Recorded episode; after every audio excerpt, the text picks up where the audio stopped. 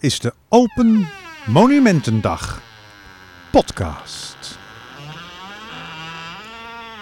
Hein van Beek en ik, Vincent Bijlo.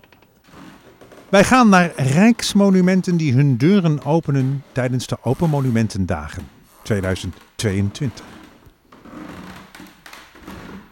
En wij doen dat niet alleen. Wij zijn vergezeld van gasten die heel veel weten van die monumenten. Waar zijn wij vandaag?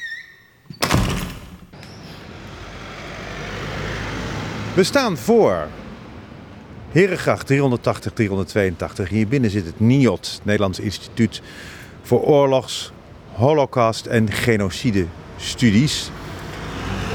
En we staan hier met Hein van Beek. Tenminste, Hein, waar ben je? Ja, ik sta hier rechts. Ah. Ik sta hier rechts. We staan hier met René van Heiningen. Ja, Hallo René. dag, dag Vincent. En met Rogier Groeneveld. En Rogier is architect. eh, René werkt hier in het NIOT. En Hein is mijn ogen. Maar dat zijn jullie eigenlijk nu alle drie. Dit is een waanzinnig bijzonder pand. Waarom, Rogier? Eh, nou, eh, ja, om meerdere redenen. Eh, het is een van de weinige panden in Nederland in de Franse eh, gebouwd. Het is voor Amsterdamse begrippen een buitengewoon breed pand aan de grachten. En het is een van de weinige panden in Nederland met een porte cochère. Dat is eh, eigenlijk een, een, een, Franse term voor een koets onder doorgang door het huis. Dus je ging met de koets, reed je het huis in. Dan stopte je voor de voordeur, dan kon je droog in en uitstappen. En de koets reed door naar de binnenplaats aan de achterkant. Daar was ook het koetshuis, daar kon de koets keren. En eh, andersom kon, konden gasten en uiteraard de familie eh, het huis weer uit. Het is gebouwd door, eh, door ehm, Abraham Zalm. In opdracht van Jacob Nienhuis. En Jacob Nienhuis was een, een tabaksplanter die op Sumatra gigantisch veel geld heeft verdiend. Op wat wij nu toch vinden een, een redelijk eh, brute wijze. Er zijn schijnen koelies op zijn, eh, op zijn plantage om het leven te zijn gekomen. Ehm, 1888 spreken wij over. Ehm, Nou, Jacob Nienhuis was, behoorde tot de nieuwe rijken. Het interessante natuurlijk van de 19e eeuw is natuurlijk daarvoor had je gewoon een heel, hele duidelijke maatschappelijke indeling. Je had de adel en eh, de niet-adel en uiteraard de, de, de paupers. Maar natuurlijk in de 19e eeuw heb je de industriële, industriële revolutie. En dan krijg je natuurlijk een nieuwe klasse, de nieuwe rijken, de nouveau riche, de industriëlen, die gewoon heel veel geld maken.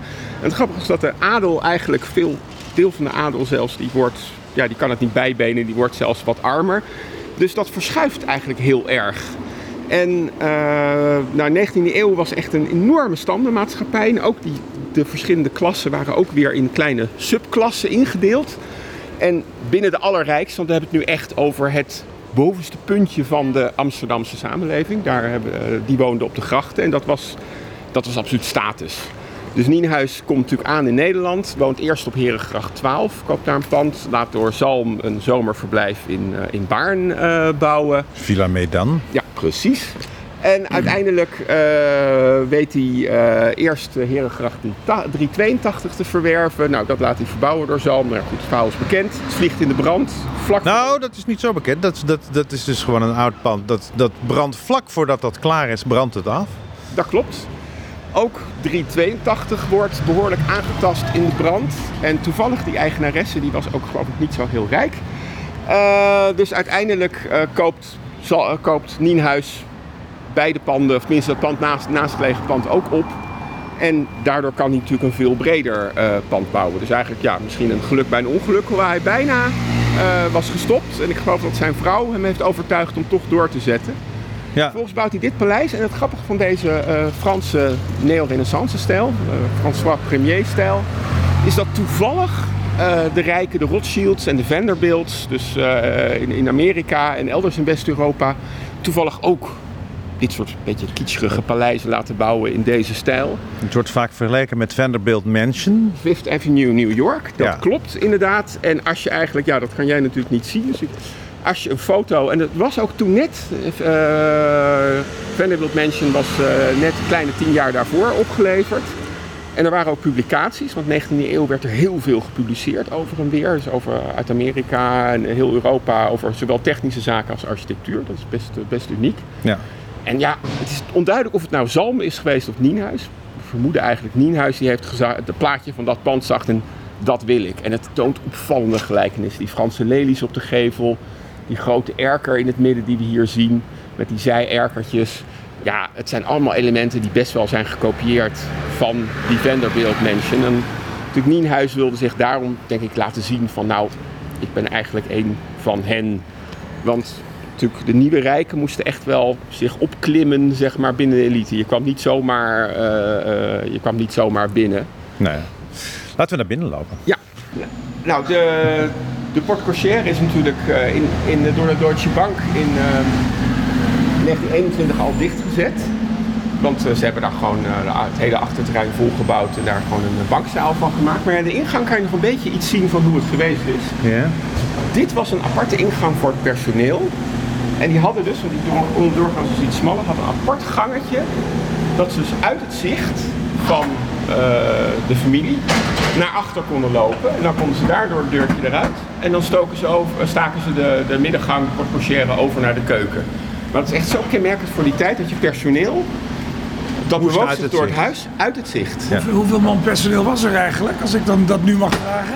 Ik geloof 12, maar ik weet het niet uit mijn hoofd. Het zou wel Moest je ook wel hebben om erbij te horen, denk ik. Ja, ik kan het opzoeken. Is dat, is dit- dat gangetje zeg je dan niet daar? Want, Ja, dus hier was een muur, zeg maar. Ja, begrijp ik. Ja. En eerste kant was Nou, ja, die kan wel aan de andere kant. Oh ja, nou dat vind ik wel leuk. Maar en als jij dus als eh, bezoeker binnenkwam, dan kwam je met dit gangetje binnen. Want dit was natuurlijk de grote koets, eh, koetsdeur. En dan moest je hier wachten of je eh, welkom was. Of je, Ja. eh, natuurlijk, eh, mensen die alleen maar kwamen bezorgen, die kwamen natuurlijk niet verder dan, de- Nee. dan de porte cochere. Nee. Goed, laten wij eh, Ga naar binnen. Ja. even dus heel even dit deurtje open. Wil jij dat natuurlijk?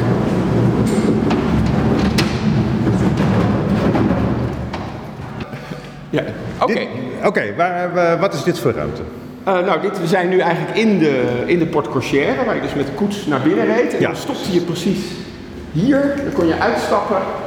En dat is eigenlijk ook leuk van natuurlijk dat de, door die Porte Cochere zit de ingang van het pand dus eh, middenin. En dat geeft ook een hele mooie plattegrond, want eigenlijk je komt binnen op de dwarsas eh, van het pand. Ja. En Zalm heeft er ook heel erg gebruik van gemaakt met een, direct een zichtlijn naar de trap.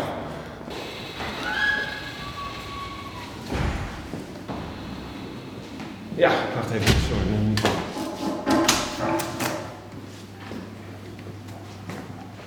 Nou, wij staan nu aan het begin eh, van de grote trap naar boven. Wat je natuurlijk opvalt is eh, dat de trap eigenlijk in eerste instantie eh, symmetrisch is van opzet. Je hebt, je hebt een grote trap in het midden en links en rechts een trappetje omhoog. Maar Dat is de klassieke staircase, is dat, hè? Ja, Dat is, precies. ja. Maar natuurlijk, omdat uiteindelijk de ruimte op de gracht natuurlijk beperkt was, kan je één links kan je helemaal omhoog. En rechts, eh, ja, dat stukje trap eindigt eigenlijk eh, in het niks. Oh. En eh, ja, maar dat, voor de symmetrie is dat, is, dat, is dat zo gedaan. Nou, verder natuurlijk spiegels, dat werd toen heel vaak gedaan in architectuur. Die zorgden voor lange zichtlijnen, dat, je, dat, je, dat pand ook groter leek. En nog een leuk Dus detail. die hangen ergens boven de trap, spiegels, zodat je al kan zien hoe het boven is. Ja, je krijgt ook een klein kijkje al van wat Ja. er boven is. Ja. En natuurlijk de, de, de ruimte wordt, eh, wordt verlengd.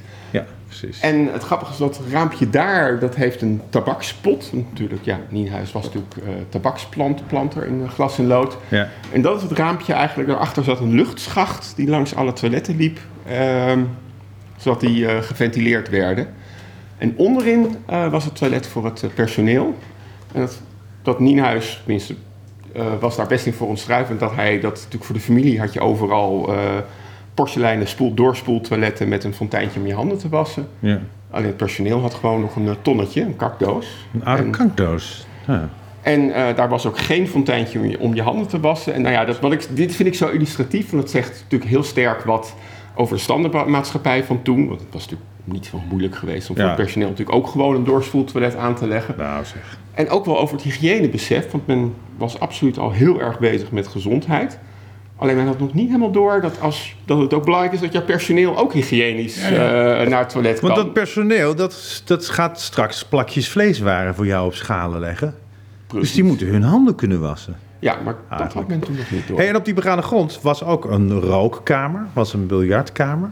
Ja, klopt. Dat was eigenlijk het, eh, dat zou je kunnen zeggen. De, nou, eh, ja, de rookkamer was ook gelijk spreekkamer. Ja. Op zich, kantoor van de Daily-maatschappij was niet hier, was ergens anders. Maar goed, je kunt je voorstellen dat Nienhuis natuurlijk hier wel eh, af en toe ja, zakelijk mensen ontving. Hij ontving toch Amerikanen, want die waren dol op Sumatra tabak. Dat was erg in zwang. En daardoor wou hij ook pronken met dit toch soort Amerikaans stijlachtig huis. Wel Ja. een Franse stijl, maar hè, Dat zal zeker ook via zijn zaak laten. Verder was Amerika ook wel toen al wel toch je van. hè, Dat was wel het, eh, waar, daar waar het gebeurde inmiddels. Ja. Chicago, New York, dat, dat waren wel eh, eh, grote voorbeelden voor eh, in de eind 19e eeuw. En eh, ja, eigenlijk waar nu, de, waar nu Eldert zijn, eh, zijn eh, kantoor is, dat was de biljartkamer. En eh, ja, daar zouden we nog even kunnen gaan kijken. Daar is het plafond, ja, is gewoon nog helemaal oorspronkelijk. En oorspronkelijk zat hier, een, dus waar nu het loket zit, zat een hele mooie glas in loodpui, zodat er licht zeg maar, van de voorkant in de ontvangsthal kwa- kwam. Ja, ja. En daar weer tegenover zat een klein zitje, een cozy corner. En het, het wat voornamere publiek kon daar wachten tot, eh, tot ze toegelaten werden of boven. Of Dat is achter in de vestibule. Nou, wat verder opvalt is. ehm, de trap is grotendeels in eh, naaldhout en een klein beetje eikenhout gemaakt. Het heeft overal wel een eikenhouten houding gekregen. Maar de trapspijlen die zijn van eh, zamak. Dat is een soort van eh, zinklegering. En die, dat werd in mallen gespoten. Zodat eh, het makkelijk in grote hoeveelheden te, te produceren was. En dan denk je eigenlijk van, nou ja, dat is dus eigenlijk eh, ja, een soort van goedkoop. Maar dat, dat, zo zag men dat toen niet. Het was natuurlijk industrieel vervaardigd. En Ja. het stond in de 19e eeuw eigenlijk ook een heel hoog aanzien. Ja, dat was heel modern. Het was natuurlijk echt van deze tijd. Ja. En het grappige is dat eigenlijk in de 20e eeuw dat er natuurlijk zoveel prefab ornamenten, hoewel deze waarschijnlijk allemaal door Zalm ontworpen zijn en speciaal voor dit huis vervaardigd. Maar dat in de 20e eeuw er zoveel prefab ornamenten komen, dat eigenlijk je merkt dat die ornamenten een beetje uit de gratie raken. Dat is eigenlijk misschien dat die, dat die industriële productie in de 19e eeuw, dat die wel een beetje heeft bijgedragen aan de moderne architectuur van de 20e eeuw. Ja, ja. Maar het is ook weer zo'n voorbeeld van zinkend cultuurgoed eigenlijk. En die, dat, soort, dat soort ornamenten. Letterlijk en figuurlijk in dit geval. Het is een zinklegering. Ja. Ja. René, hoe is het eigenlijk... ehm, hoe verhoudt nou de monumentale status van dit gebouw tot jullie dagelijkse werk? Eh, hoe bedoel je precies? Ik bedoel, eh, Nou, hoe, hoe ga je ermee om in, je, in je dagelijkse eh studiecarrière? Jij bent historicus hier. ja, Eh, eh, dat, dat je hier in dat monument nou, werkt. Het, klinkt misschien een beetje flauw, maar ja, op een gegeven moment alles wint. Hè? Dus de eerste keer dat je hier rondloopt, dan eh, kijk je je ogen uit. En dan ben je onder de indruk. En op een gegeven moment... eh, dus ja, alles went, zelfs ja, een monument. Ja, ja dat is inderdaad vrij gezegd, maar daar komt het wel op neer. Ja. En, eh, maar ja, het blijft natuurlijk toch wel... eh, nee, het is niet zo dat ik nou s ochtends denk... Goh, wat is het hier schitterend of zo. Daar kijk je natuurlijk niet zo goed meer naar, maar... Ik vind het toch wel een prettig gebouw om te werken.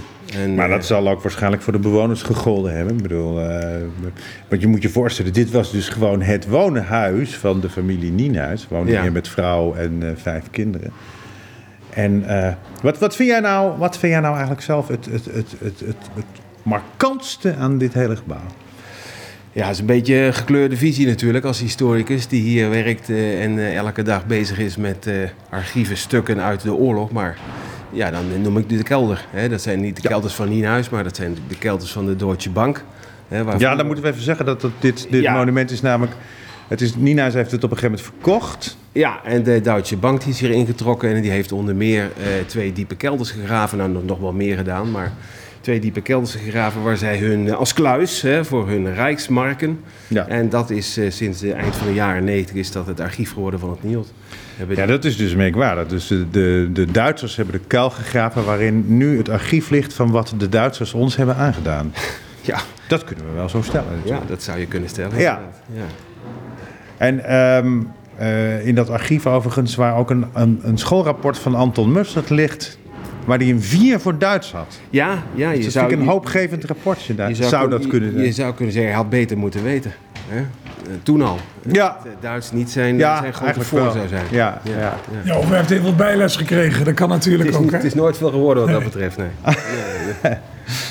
En Jij geeft hier ook rondleidingen. Ja. Eh, eh, heb je daar een bepaalde systematische aanpak voor? Of niet? Eh, Nou, als je de route wil weten. Ik begin ook altijd buiten. En dan met een, met een verhaaltje over, inderdaad, over de gevel. En, en dan gaan we naar binnen. En dan begin ik meestal op de begaande grond. Hè, waar vroeger, als ik me niet vergis, de keukens waren van de familie. Laat ik inderdaad studies al zien. En eh, toch ook bijzonder. hè. en eh, dan de kelders. hè, waar ik dan wat stukken toon uit onze collectie. Ja. En dan neem ik de mensen mee, eh, mee naar boven. Naar de eerste verdieping waar we nu zijn. Wat natuurlijk toch wel een beetje het, eh, ja, de parel van het gebouw is. Hè, denk ik. Dat mag je wel zo stellen. En dan slotte nog naar de tweede, waar er nog een kleine verrassing is. hè, die we dadelijk ook zullen gaan zien. Ja, die gaan we nog niet verraden. Nee, ik, eh, ik, eh, ik pas, Rogier, pas wel op. Rogier, Ja. waar staan wij nu? Ehm, nou, wij staan nu in het trappenhuis. Wij kijken, dus als je omdraait, eh, kijken wij richting de hall. Dat is, of de antichambre eh, heet dat. Want je noemt het net een woonhuis, maar eigenlijk is dit huis natuurlijk voor een heel groot deel gewoon een ontvangstmachine. Ja, precies. Een- ja, maar ook, eh, het was ook woonhuis natuurlijk. Klopt, klopt. Maar eh, je huis was natuurlijk ook voor een heel groot deel je visitekaartje. En Ja. eh, natuurlijk een van de manieren om jou te vestigen binnen de, de, de maatschappij, of binnen de elite, was natuurlijk door grote feesten en partijen te geven. En eigenlijk de ruimtes tussen de, deze trap eh, en de grote hall en ook de, eet, de eetzaal en de muziekkamer en de receptiesalon. Dat zijn natuurlijk allemaal ruimtes die eigenlijk gemaakt zijn voor die ontvangst. En die werden eigenlijk daarbuiten niet zo heel veel gebruikt. Best kans de familie af en toe eens in de eetzaal had, maar waarschijnlijk aan te zeggen gewoon in de salon de familie die we Ja. aan de andere kant eh, eh, vinden. Ja, dit huis was heel duidelijk gemaakt om, om indruk te maken. Kunnen we naar de hol? Eh, ja, absoluut. Kom mee.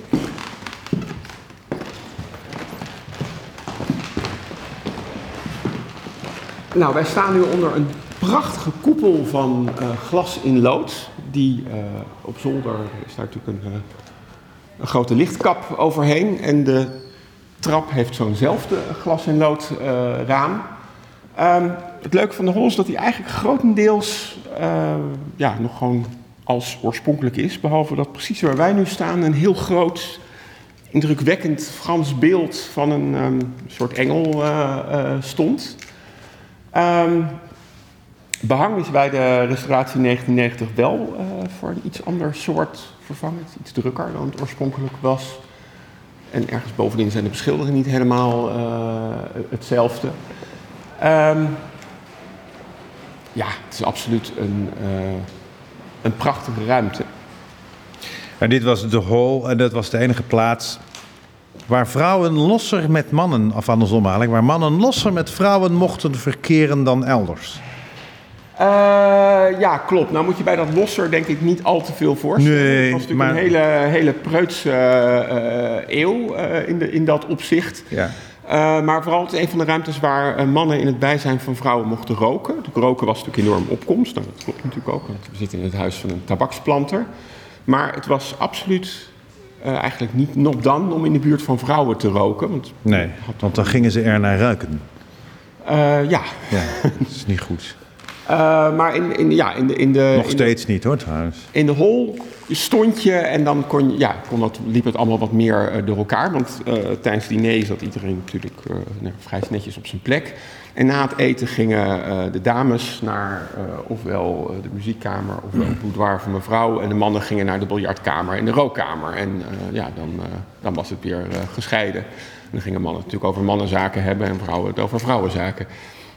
Ja, en, en in deze hol ge- gebeurde eigenlijk dus helemaal eh, eigenlijk niet zo ontzettend veel. Dit was meer een soort, soort grote doorgangspronkplaats. Nou ja, het is, het is Een beetje, wel... een beetje los, los lummelen, een beetje trekje van je sigaar nemen. Ja, nou, je moet je voorstellen dat het eigenlijk, het is natuurlijk best een grote ruimte. En natuurlijk Ja. deze schuifdeuren naar de, de eetzaal eh, stonden natuurlijk open. Ja, het werd dus eigenlijk één grote, Ja. grote eh, ruimte. Ja, En dat geldt, geldt eigenlijk voor de aangrenzende ruimte. Dat is de kleine antichambre, die zich recht tegenover de trap bevindt. En is ook weer een prachtige grote spiegel. Oorspronkelijk was hier ook een zitje. En dan werden aan beide kanten ook de schuifdeuren opengezet. En hier was de muzieksalon. En aan de voorkant was de receptiesalon. En hier begon, begonnen de meeste ontvangsten eigenlijk. Dus je werd naar boven geleid en hier in de receptiesalon werd je ontvangen. En nou ja, dit is ook natuurlijk, als je het tegen elkaar overbezet, is het ook weer één uh, grote. Nou, precies. Dus het is in die zin een beetje een multifunctioneel gebouw. Want als je, als je grotere partijen hebt, dan kan je die ruimtes dus vergroten. Uh, ja, dat klopt. Ja.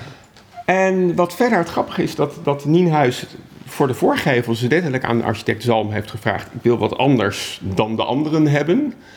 Uh, heeft zich wat betreft interieur eigenlijk heel braaf aan ja, de conventies uit die tijd gehouden.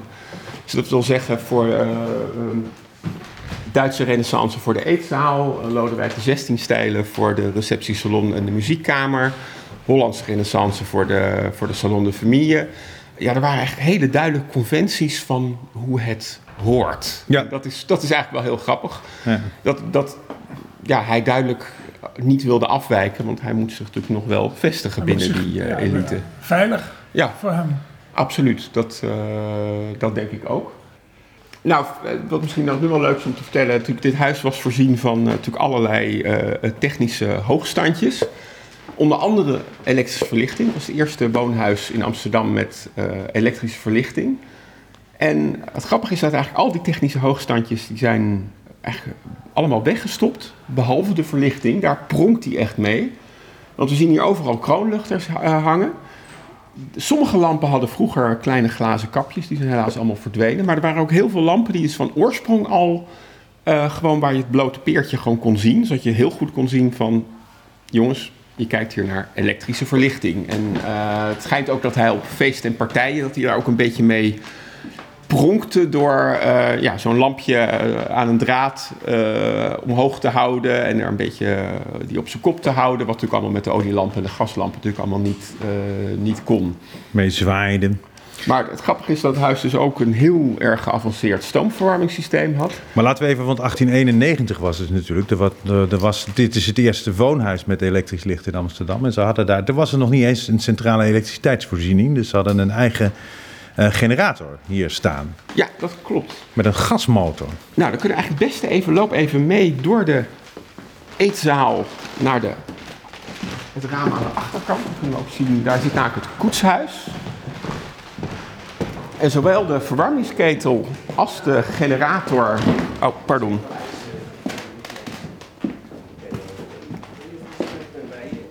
Dus nu kijken we eigenlijk op de achtertuin, op... Uh, koetshuis een iets meer neogotische versie van die uh, Franse neo-renaissance. Eigenlijk is dat goedshuis eigenlijk al een klein villaatje op zich, hè? Ja, ja, nou ja, daar woonde ook het koetsier met zijn gezin. Al het mannelijke personeel uh, sliep daar. Er was ruimte voor vier paarden en twee koetsen. En links onderin uh, was dus die gasmotor. Die overigens grappig genoeg liep op lichtgas. Dus het gas wat... Het gasnet was in Amsterdam al wel een gasnet voor de stadsverlichting ja, en voor ja. de rijk, voor de, de rijkere, huizen, de rijk, rijkere huizen hadden al gasverlichting. Maar hij gebruikte dat om een uh, motor, een gasmotor, een dynamo aan te drijven. En dan uh, waren een aantal accum accumulatoren. Dus moet je, moet je nagaan. Dus je gebruikt gas waar al licht van kan komen. Voor het opwekken van e-, elektriciteit om licht te maken. Maar dan dus elektrisch licht. Maar het ding maakte een enorme herrie. Hè? Ja, en dus vandaar dat er, dat er dus uh, eigenlijk accu's stonden in dat, uh, in dat, koets, uh, in dat koetshuis. En dat, zodat s'nachts gewoon daar de stroom uitgetrokken kon worden. En men dus licht had zonder die, die herrie. Um, ja, de gasmotor is niet lang in functie geweest. Nee, want ik geloof eind 19e eeuw krijgt Amsterdam inderdaad een elektriciteitsnet. Of twee jaar later zelfs, geloof ik al. Ja, drie jaar later aan, ja. de, aan de. waar was het? Niet weg, maar wel zoiets. Was de eerste elektriciteitscentrale al. Uh, maar wel waanzinnig vooruitstrevend. En in al die technieken. Hè? Dat ja. was bijvoorbeeld telefoon.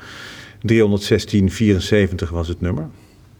Uh, ja, nou leuk dat je dat, dat, je dat weet inderdaad. Ik geloof een van de, nou ik geloof 200 of 300, een van de weinige aansluitingen in Amsterdam, telefoonaansluitingen op dat moment Ja. in Amsterdam. Het was natuurlijk een, uiteraard een centraal bellensysteem in het huis, dat je vanuit elke ruimte het personeel eh, kon, kon oproepen. En de verwarming, want eh, dit, dit had een zogenaamde lage druk stoomverwarming. Leg even uit hoe dat werkt, want dat heeft een enorme samenhang met het ventilatiesysteem. Hè?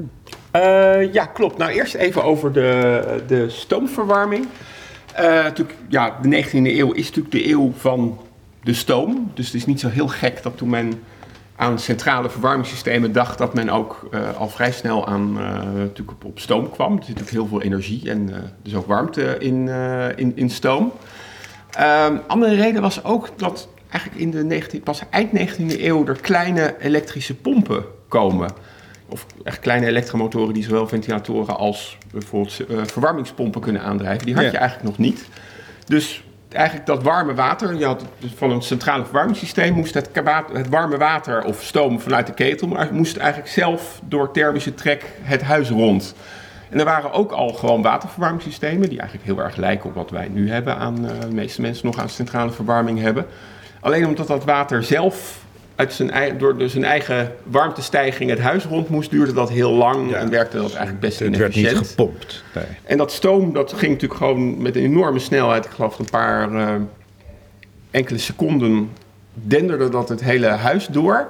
En de grap is eigenlijk dat het dus niet zozeer de warmte van de stoom was, maar eigenlijk het feit dat het stoom in de radiatoren in de kamers condenseerde. En natuurlijk zoals iedereen middelbare school natuurkunde heeft gehad, Ja. op het moment dat eh, water van de gasfase naar de vloeistoffase gaat, komt daar heel veel energie bij vrij. Dat is ongeveer 600 keer wat er vrijkomt bij als water 1 graad zou afkoelen. Ehm, en eigenlijk dat is de energie waarmee eh, verwarmd werd. En het leuke was dat dat water vervolgens via dezelfde leiding als waar het stoom de radiator inkwam, terugliep naar de ketel. Het is, a- het is, je hebt maar één leiding nodig. Dus Ja. eigenlijk is het een soort, soort eh, duurzaam avant la lettre, want je was van de open haarden af. Eh, ja, ja, klopt. Ehm, dat we eigenlijk eh, begin 19e eeuw toch heel veel open haarden, kolenkachels. Langzamerhand kwamen natuurlijk met het gasnet ook gaskachels natuurlijk in, in zwang.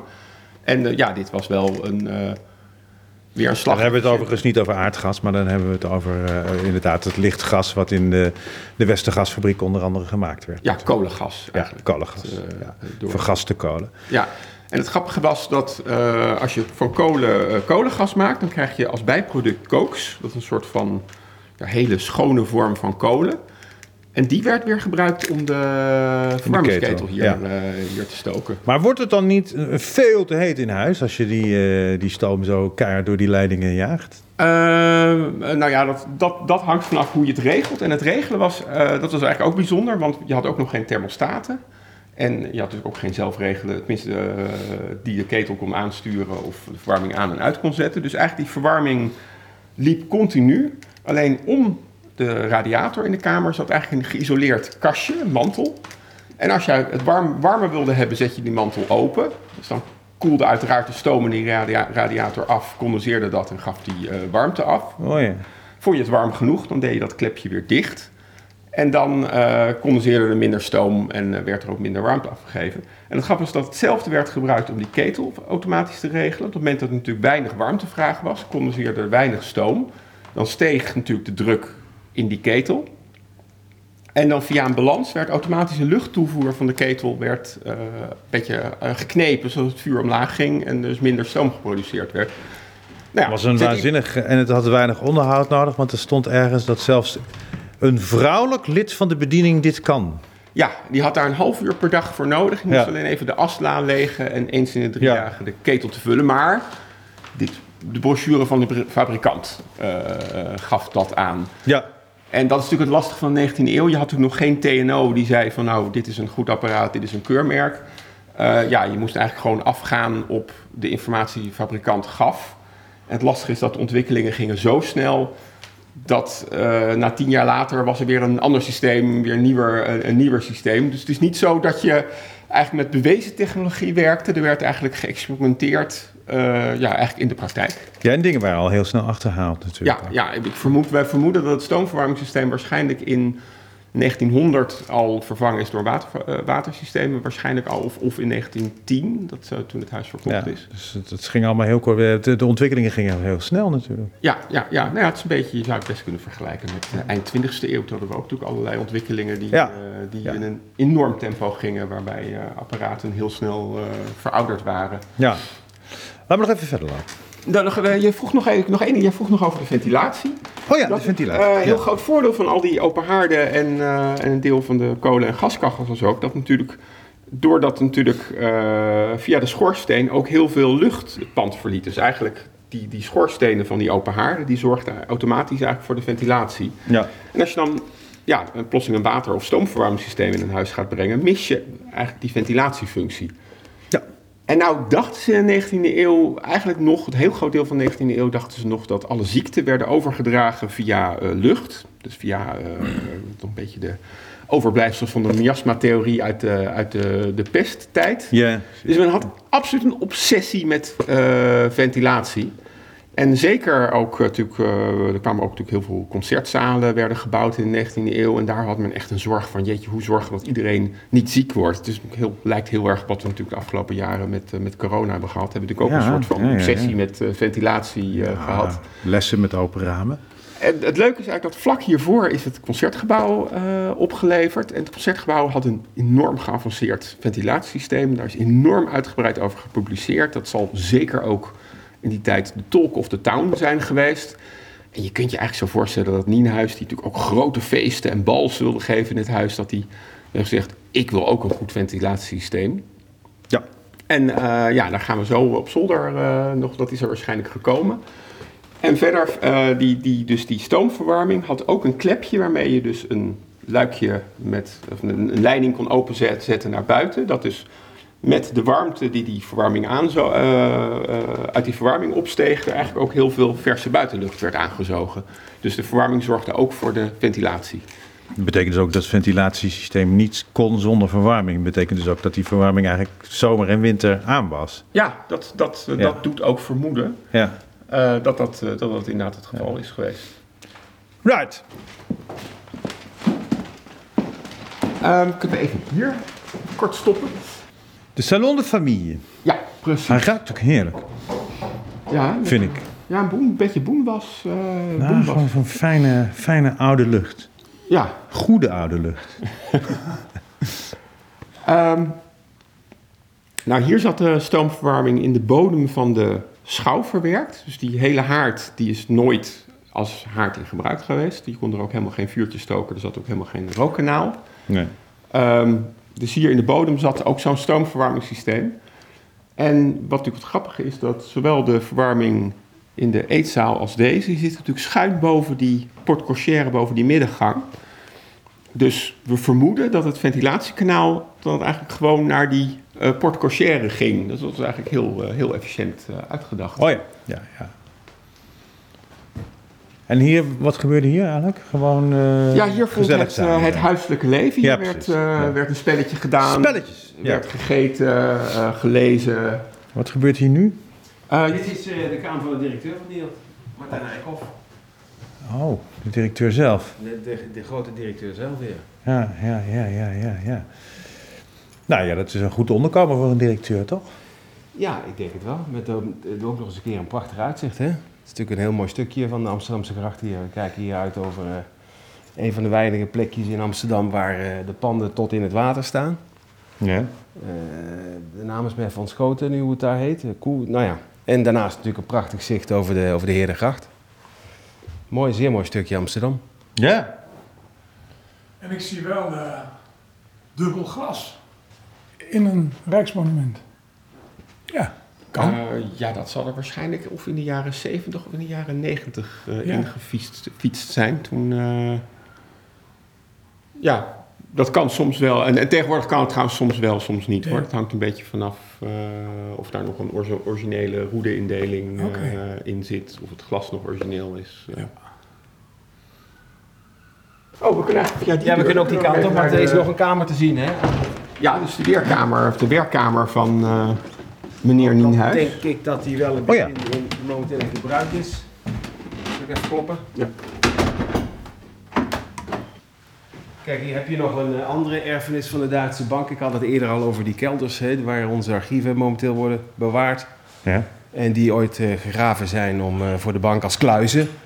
In het pand zijn elders ook nog een aantal eh, in kamers eh, wat kleinere kluizen gebouwd. Zoals deze, hè, die je hier kan zien. Mhm. Waar, eh, Ja, dit, was, dit was gewoon zijn, de werkkluis van... eh, of is die door de Deutsche Bank gebouwd? Ja, door de Deutsche Ah, Bank. Ja, ja. Ja, Dus ik, stel me voor dat, eh, dat hier eh, de directeur zat of zo. Of eh, weet ik wat hij daarin bewaarde. Maar eh, dit waren dus zeg maar eh, Ja. ja. kluizen die hoorden bij de kamer. Ja. Eh, bij het kantoortje waar ze, waar ze zaten. Maar toevallig zat op deze plek eh, ook de kluis van meneer Nienhuis. Oh, die zat oké. Iets, Ja, iets ja, ja, dieper ja. achter in die ruimte. ja. Want eh, wat de Deutsche Bank ook, ook heeft gedaan, die hebben een lift in het pand gemaakt. En die heeft die ruimte achter eh, deze ruimte een beetje overhoop gegooid. En toen is die kluis daar gekomen. De kluis zat eigenlijk een beetje meer op de plek waar nu de lift zit. Oh ja. Ja. Maar ja, wel vrijwel op, eh, op deze plek. ja. En verder hier natuurlijk ook een, een schouw. In dit geval zat de, verwar- de stoomverwarming eh, achter in de schouw. Maar goed, daar zit nu de lift eh, in. Maar de Ja. voorkant is nog exact hetzelfde. Ja, ja. Maar het grappige is op de, want uiteraard toen het pand is opgeleverd, zijn natuurlijk ook nog eh, natuurlijk prachtige fotoseries gemaakt. En dat ze dan wel blokken hout neerleggen voor die eh, haarden. Terwijl, eh, Als decor. Ja, ja, als decor. Ja. Maar ja, die hadden natuurlijk absoluut geen functie. en dat verbaast me eigenlijk. Want juist, je zou voor, eigenlijk verwachten dat hij zo prat zou gaan op alle moderne Ja, techniek die erin zit. ja. En dan eh, leg je toch zo'n ouderwetse blokje hout neer. Dat is dan, eh, dan best bijzonder. We doen dit nu een heel klein beetje in de verkeerde volgorde, want nu lopen we weer naar de andere kant van het pand. Eh, we zijn nu in de, in de dienkamer. Dus hierachter was het trappenhuis eh, voor het personeel. En er was ook een, een liftje naar de keuken. En hier werd het eten opgeschept. En Dat werd- was het, eh, het, het spijsliftje. Ja, precies. Ja. Ehm, en uiteraard hier werd het werd opgeschept. En dat kon dan via deze deur naar de, naar de eetzaal gebracht worden. Ja. Verder zit hier ook een, kast, een kastenpand. Het grappige van deze ruimte is eigenlijk in, de, nie- in stijl van een nieuwe kunst. Dus dit is eigenlijk voor die tijd wel... Dit was wel een moderne stijl van die tijd. Dit was niet een- iets wat teruggreep op een, op oude, op een oude stijl. Dit, dus dat voor zo'n zo'n dienkamer, dat, dat dat wel weer eigen tijds was. En verder zie je een grote kastenwand die op slot kan, eh, kwam. Dat klopt, want hier zat het kristal en het zilver werd hier eh, Oh ja. opgeborgen. Ja. En eh, wat ook opvallend is, dat het zilver werd alleen gepoetst onder toeziend oog van de vrouw des huizes. Dus blijkbaar dat dat toch belangrijk, eh, dat men daar toch bang was dat dat eh, verdween anders. Ja, nee, ja, dat is zeer belangrijk. Ja. En dat zegt ook iets over het vertrouwen wat men had in het En ja, het trappenhuis is een van de mooiste ruimtes van het, eh, van het pand, vind ik. Eh, prachtige wandschilderingen in, eh, in bloemmotieven.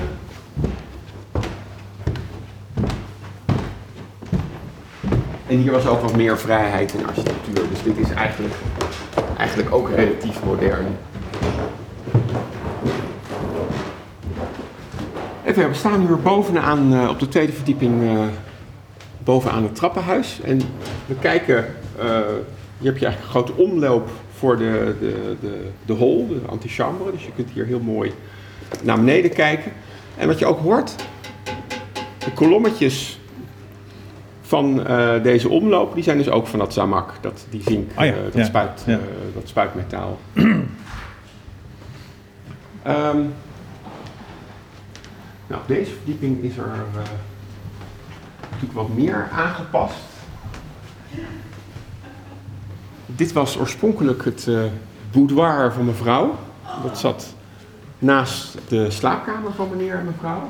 Dus daar lopen wij nu naar door. Ja, en deze ruimtes zijn in. eh, sorry. Ik loop heel even door. In 1900 is het. ehm, is het pand verbouwd tot kantoor. Is op deze verdieping is er gewoon heel veel, alle slaapvertrekken zijn eigenlijk aangepast en eruit gesloopt. En ja, we staan nu in, nou denk ik, één toch wel de meest bijzondere ruimte van het huis. Namelijk de badkamer. En deze badkamer is geheel uitgevoerd in eh, ja, Moorse, Moorse stijl, een Oosterse stijl. En eh, ja, de wanden zijn deels betegeld, ook deels hebben houten lambrisering. De vloer is eh, prachtig betegeld. Ehm, hier boven ons eh, ja, is een, was oorspronkelijk een, eh, een groot lichtraam. Dus die was eh, een, groot glas- en loodraam. En de ruimte hierboven liep dus helemaal door tot de glaskap eh, op zolder. Ehm, dus je prachtig, eh, overdag althans prachtig daglicht in de, in de badkamer. Wat je ook ziet, ziet rond het lichtraam zie je een, een eh, ventilatierooster. En dat werd eigenlijk gebruikt om de badkamer eh, te ventileren. Nou, zal dat belabberd slecht gewerkt hebben.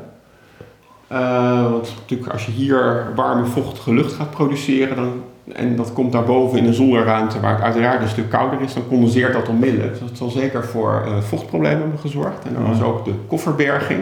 Ja. Dus je kunt op foto's van 1900 zie je hier een trekkoordje hangen. En we hebben bij het onderzoek gedacht van, goh, zou dat dan het bellenkoordje zijn? Maar het bel, het- de bel blijkt een knopje in de tegelwand te zijn. En het koordje heeft gehoord bij een elektrische ventilator. Die kwam toen net in 1900, kwamen de eerste kleine elektrische ventilator, eh, ventilatoren op de markt. En waarschijnlijk hebben ze toen dit, die kofferberging wat groter gemaakt. Dat lichtraam gewoon dichtgezet. En gewoon een ventilator. En Oh ja. direct Ja. door de gevel hier aan de achterkant eh, eh, naar buiten. Het bad had twee stellen kranen. Vier. Vier. Ja, hier. Ja, nou, dit is echt een heel leuk onderdeel van het, eh van het bouwhistorisch onderzoek eh, geweest. We hadden een, eh, ja pas op dat je niet in het bad stapt, Vincent. Oh ja. Eh, ja, nee, er zit een glasplaat overheen, maar ik denk niet dat hij jou eh, houdt. ja Ehm, het bad is namelijk verzonken in de, in, in de vloer. Ja, eh, want René, jullie, jullie wisten dat natuurlijk ook niet. Waar, jullie hebben waarschijnlijk dat ook al die tijd afgevraagd. Van waar dienen al die kranen voor? Ja, dat was altijd een beetje een, eh, een heikel punt als we dan eh, met de rondleiding hierdoor... eh, dit was toch inderdaad een beetje de verrassing, hè? Het toetje op de, of de kerst op de taart. En dan hoopt hij maar dat ze geen vragen gingen stellen over die kranen en hoe dat water liep hier, want dat was me niet duidelijk. Dus we hadden absoluut we hebben, we hebben een, eh, een soort van obsessie ontwikkeld van nou ja, waar dient dat nou voor? Want op een gegeven moment wil je dat gewoon weten. Die kranen, ja. Ja, dus we hebben met luchtdruk, hebben we op al die punten hebben luchtdruk gezet. Want het, het middelste punt in het midden onder is natuurlijk, daar zat de kraanwand op. Dat kun je op foto's ook zien. Eh, en toen bleek dat al die, kraan, eh, die kraanelementen hadden allemaal een directe relatie met die kraanmond daar beneden. En verder zit er daar schuin boven zit ook nog een, een bouwspoor in de wand. Toen dachten we, nou ja, als het natuurlijk dat een douche is, dan kan het natuurlijk ook zijn dat via de aanvoerleidingen dat dat ook een relatie met elkaar heeft. Dus uiteindelijk eh, hebben de Rijks, het Rijksvastgoedbedrijf gevraagd of we dat punt open mochten boren. Nou, dat mocht. En uiteindelijk bleek dat een, eh, een bellenknopje te zijn. Ah, Nou, we zijn ook met eh, camera's, dus via de lambrisering kun je een luikje in. Dan kun je in de ruimte achter de spiegel, en daar zit een ga- klein gaatje in het plafond. Dan kun je met een camera achter deze ruimte komen. Ze hebben een beetje de leidingen, wat leidingen kunnen zien. Zijn conclusie is dat al deze kranen dienen om die ene kraan in het midden eh, eh, te bedienen. Nou, dan, dan is het natuurlijk interessant, dan als architect stel ik me onmiddellijk voor. Ik heb natuurlijk ook gesprekken met mijn opdrachtgevers dat wellicht meneer of mevrouw eh, in gesprek met Zalm, dat meneer rechts in bad zit en mevrouw liever links in bad. En dat ze daar dat ze, dat ze allebei hun eigen setje kranen hebben, links en rechts van de kraan. Of het zo geweest is, dat weet je natuurlijk niet. Maar vooral die twee kranen daarboven, die zijn het meest interessant. Want waar zijn die voor? Die zijn voor het personeel. Het personeel dus niet eh, over het bad hoeft te reiken. Maar dan is het grappig dat ze aan beide kanten, zitten. En zijn allebei ook aangesloten. Dus niet ter decoratie, eh, ter symmet- ter symmetrie. De gij- badgijzer stond achter die deur. Dus als het puur voor de sier was, dan zou alleen die aangesloten zijn. Dus nou ja, dit verhaal dat je hier hebt, er zat boven het bad een belletje. Dan kon meneer en mevrouw het personeel bellen. Dan kon het personeel aankomen. En aangezien het personeel zich altijd natuurlijk uit het zicht van meneer en mevrouw moest begeven. Dus afhankelijk van waar meneer of Ja, mevrouw in bad precies. zat, kon het personeel achter meneer of mevrouw de badkraan bedienen. Nou, hier heb je toch via de techniek, vind ik eigenlijk een prachtig inkijkje in de hofhouding eh Nienhuis. Ja, ja, ja, ja, ja. Geweldig zeg. En eigenlijk hebben wij eh, de, de, de, de, het zat voor kort. Daarvoor waren badkamers natuurlijk eh, vaak gewoon met behang, tapijt op de vloer. Dus dit was, het, dit was voor toen in Nederland een hele nieuwe stijl, hè, met de tegeltjes en zo. Ja, nou, de- ja de, voor, voor een badkamer is dit, is dit best een vroeg voorbeeld van een betegelde badkamer.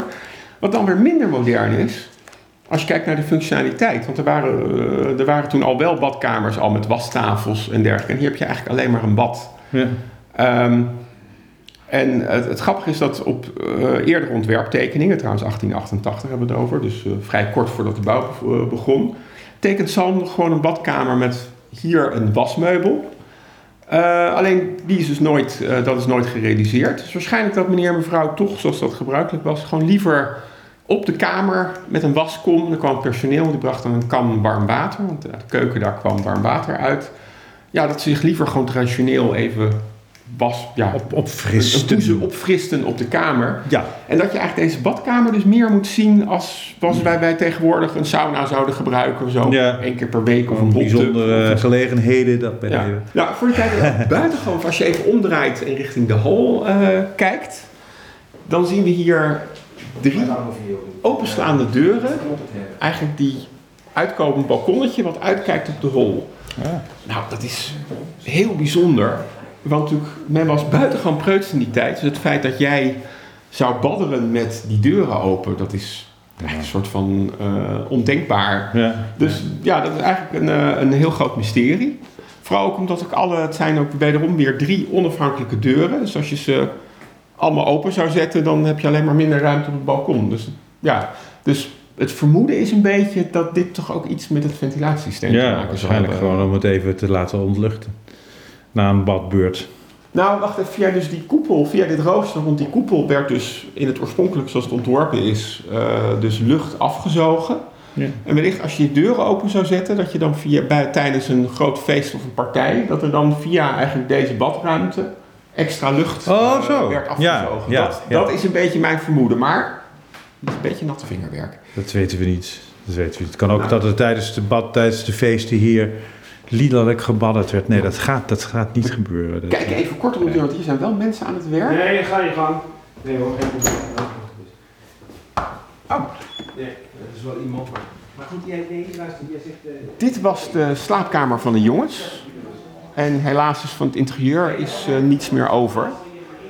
Ehm, het plafond is nog wel deels oorspronkelijk. En je kunt ook zien dat er oorspronkelijk dus tussen de badkamer en deze eh, eh, slaapkamer... dat er een kastenwand zat. Oh, ja. En in die kastenwand was deels eh, was daar ook de, de verwarming was daar weggewerkt. En waarschijnlijk stond daar ook het, eh, het, het, het wasmeubel. Hm. En ja, de rest van het interieur is gewoon uit de tijd dat het eh, naar kantoor is, eh, is opgebouwd. Even kijken, dan gaan wij weer een verdieping omhoog.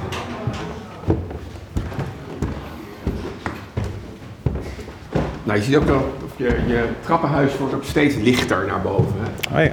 Dus het, eh, en ook de schildering wordt ook iets meer open en iets, iets bloemrijker nog. En hier bovenin het trappenhuis zitten dus ook eh, ventilatieluiken, die konden ze openzetten naar de, naar de lichtkap. Even kijken, lopen we een klein trappetje op. Dus je merkt ook dat het hier onmiddellijk wat warmer wordt. Even heel voorzichtig. Een klein opstapje, hou je goed vast. Ja, ik denk dat we hier even blijven staan. Een beetje krap hier. Eh, ja, we staan hier eigenlijk in de grote glazen lichtkap. Ehm, nou, hier is in de jaren 70 een eh, soort van veiligheidskooi van draadglas overheen ge- gezet. Anders zou, ik nu mijn boek zou laten vallen, zou dat dwars door het glas in loodraam in de, de centrale hol eh, vallen. Nou, je merkt, het is hier onmiddellijk warmer. Nou, deze lichtkap had twee functies. Eén natuurlijk om al die, het lichtraam van de badkamer, van de trap en boven de hol van prachtig daglicht te voorzien. En verder, tijdens onderzoek kwamen we die drie deuren tegen. En daar zitten ze ook, daar ze, zijn ze in weggetimmerd. En het zijn eigenlijk drie onafhankelijke deuren boven in de nok van het, eh, van het pand. En eh, ja, die hebben eigenlijk geen enkele logische functie. Want het is niet zo dat je door die drie deuren, het zijn drie losse deuren in drie losse kozijnen. Het is niet dat als je ze alle drie openzet, dat je dan een heel groot object hier kan eh, rond, rondhijsen. Dus ja, we hebben nou, met vrij grote zekerheid vermoeden dat ze na een onderdeel waren geweest van het ventilatiesysteem. Dat je eigenlijk door, eh, dus die glaskap had drie compartimenten en door de deuren open en dicht te zetten kon je eigenlijk variëren in eh, inkomende lucht, uitgaande lucht, kon je dat, eh, dat een beetje regelen. Ja. Hoe het precies gewerkt heeft, dat weten we helaas niet. Ziet hier ook overal katrollen, dus waarschijnlijk dat er ook eh, luiken in het dak eh, opengezet konden worden voor, voor ventilatie. Ze vermoeden dus een beetje dat zomers natuurlijk het lucht hier opwarmde en die voor een vertrekkende, zijn uitgaande luchtstroom zorgde. Dus voor dat de warmte het pand uitkwam. Mogelijk dat 's winters hier lucht voorverwarmd werd met verwarming of door zonnewarmte, afhankelijk van wat het weer was. En eh, mogelijk dat hier warme lucht het pand ingevoerd werd. En die luiken in de trap vermoeden dat die voor nachtventilatie waren. Zodat je, dat je s'nachts eigenlijk koude lucht eh, in de zomer in het pand eh, inliet. Ja. ja. Nou, dan heb je hier laatst nog één ruimte. Dat zit hier, moet je even omdraaien Vincent. Ja, nee, eh, hou je even vast. Dan loop ik even langs je, want het is niet de bedoeling dat je van de trap afvalt. Even kijken. Hou je even je hand vast. Je moet even een... Ja, stap naar één... Ja, iets... Ja. Dus, eh, ja. En nou de trap op.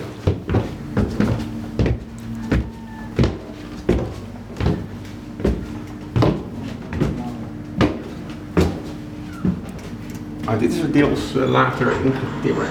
Even kijken. Nou, misschien qua de herrie. Oh, dat is wel interessant. Kunnen we daar naar binnen? Nee. Eh, ja, we kunnen binnen, maar dat, dat eh, zijn we dan. Hier gaan we weer een trappetje af. En pas op dat je je hoofd niet stoot. Ja, oh, stop. Nu zit je hoofd precies bij een balk. Ja. En nog een balk. Weet je zeker dat je dit wil? Even kijken. Dan moet je even bukken. Moet er even iets onder iets door. Namelijk, waar jij net onderdoor bent gelopen. Eh, ja, dat je nu voorzichtig overeind kan staan. Is namelijk een eh, groot eh verzinkstalen watervat. Dit huis had ook al, had, al- had stromend water. En ja, je had in die tijd had je eigenlijk twee waterleidingssystemen. En je had eh, duinwater, je had vechtwater. Duinwater was de eerste, dat is een waterleiding naar de duinen en dat was drinkbaar water. Eh, alleen die, ja, dat was gewoon, die had te weinig capaciteit voor de, de, de, groei, de groeiende stad Amsterdam. Dus uiteindelijk hebben ze een tweede waterleiding aangelegd eh, vanuit de Vecht.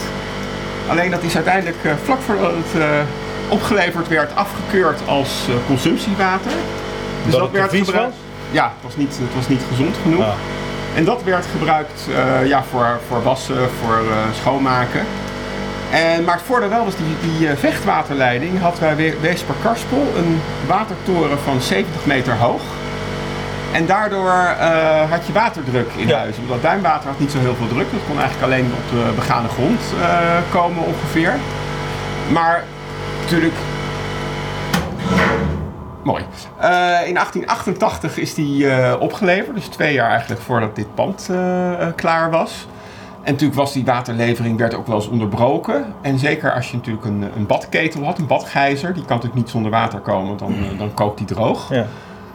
Dus eigenlijk... Had je een buffer hier of zo? ja, had je een buffervat. Dus, eh, en dat komt natuurlijk, dat, dat buffervat, want het zit nu helemaal in de nok van het pand, kon natuurlijk alleen gevuld worden omdat die watertoren bij Weesper Karspel 70 meter hoog was. Dus hier, ja, hier werd continu netjes water aangevuld, zodat het, dat ze altijd waterdruk in het pand hadden. Ja. ja. Maar de keuken was de plek in principe waar het warme water vandaan kwam. En de badkamer had een, een badgijzer die was aangesloten op het stoomverwarmingssysteem. Ja, ja, ja. Geweldig hoe mensen zo eh, gewoon, eh, gewoon al werkend allerlei oplossingen bedachten. En, en dat het hele huis vol zit met. eh, ja, we zouden dat nu een soort noodverbanden noemen, maar dat waren toen natuurlijk gewoon werkende dingen. Ja, oh, eh, maar de hele, ja, het is gewoon ja, de ontwikkeling van de techniek in de 19e eeuw. Je begin 19e eeuw het water zelf omhoog sjouwt, of het personeel het water omhoog sjouwt in een kan. Ja, En eind 19e eeuw heb je eh, stromend water in, Ja, ja. in de panden. eh, gigantische vorderingen. Ja. Er is hier nog wel één leuk element dat hier in de hoek ligt. Dat is hier gewoon opgeslagen. Dat is een soort van eh, ja, houten objectje wat rond kan draaien. Die werden gebruikt in de koets onder doorgang. Die, die, die, bocht naar de, naar de gracht is vrij smal. Ja, En eh, dat zijn eigenlijk een soort van schampstenen. Dat als die koets net niet helemaal lekker in die bocht kwam, dan uh, nou ja, zorgde in ieder geval die schampstenen dat de koets niet beschadigd raakte en de gevel niet beschadigd uh, raakte. Die, Oh, die ja. waren een beetje, een beetje flexibele... Ja, ze konden ja, draaien. Ja, ja, ja. Van uh, eigenlijk geleidingsobject. God, ze hadden werkelijk overal aan gedacht. Oké. Okay. Ja. En zo daalden wij de trappen van het majestueuze monument weer af. Hier was het ook laag, toch? Ja, het is hier ontzettend laag. Pas op! Je kunt nu overeind gaan staan. Ah, ja. Dit Rijksmonument is samen met nog zo'n 4000 anderen te bezichtigen op 10 en 11 september tijdens de Open Monumentendagen. En het strekt, net als alle vijf andere die we hebben behandeld, dat aanbeveling voor een bezoekje. Maar dat geldt overigens ook voor die 3995 die wij niet hebben gedaan. En dit was de Open Monumenten podcast, gemaakt door Vincent Bijlo en Hein van Beek. Met dank aan het Hendrik Muller Fonds, de Gravin van Biland Stichting en de Vriendenloterij. Dit was voorlopig even de laatste, maar hou ons in de gaten, want er is een gerede kans dat wij weer terugkomen. Veel plezier tijdens de Open Monumenten Dagen.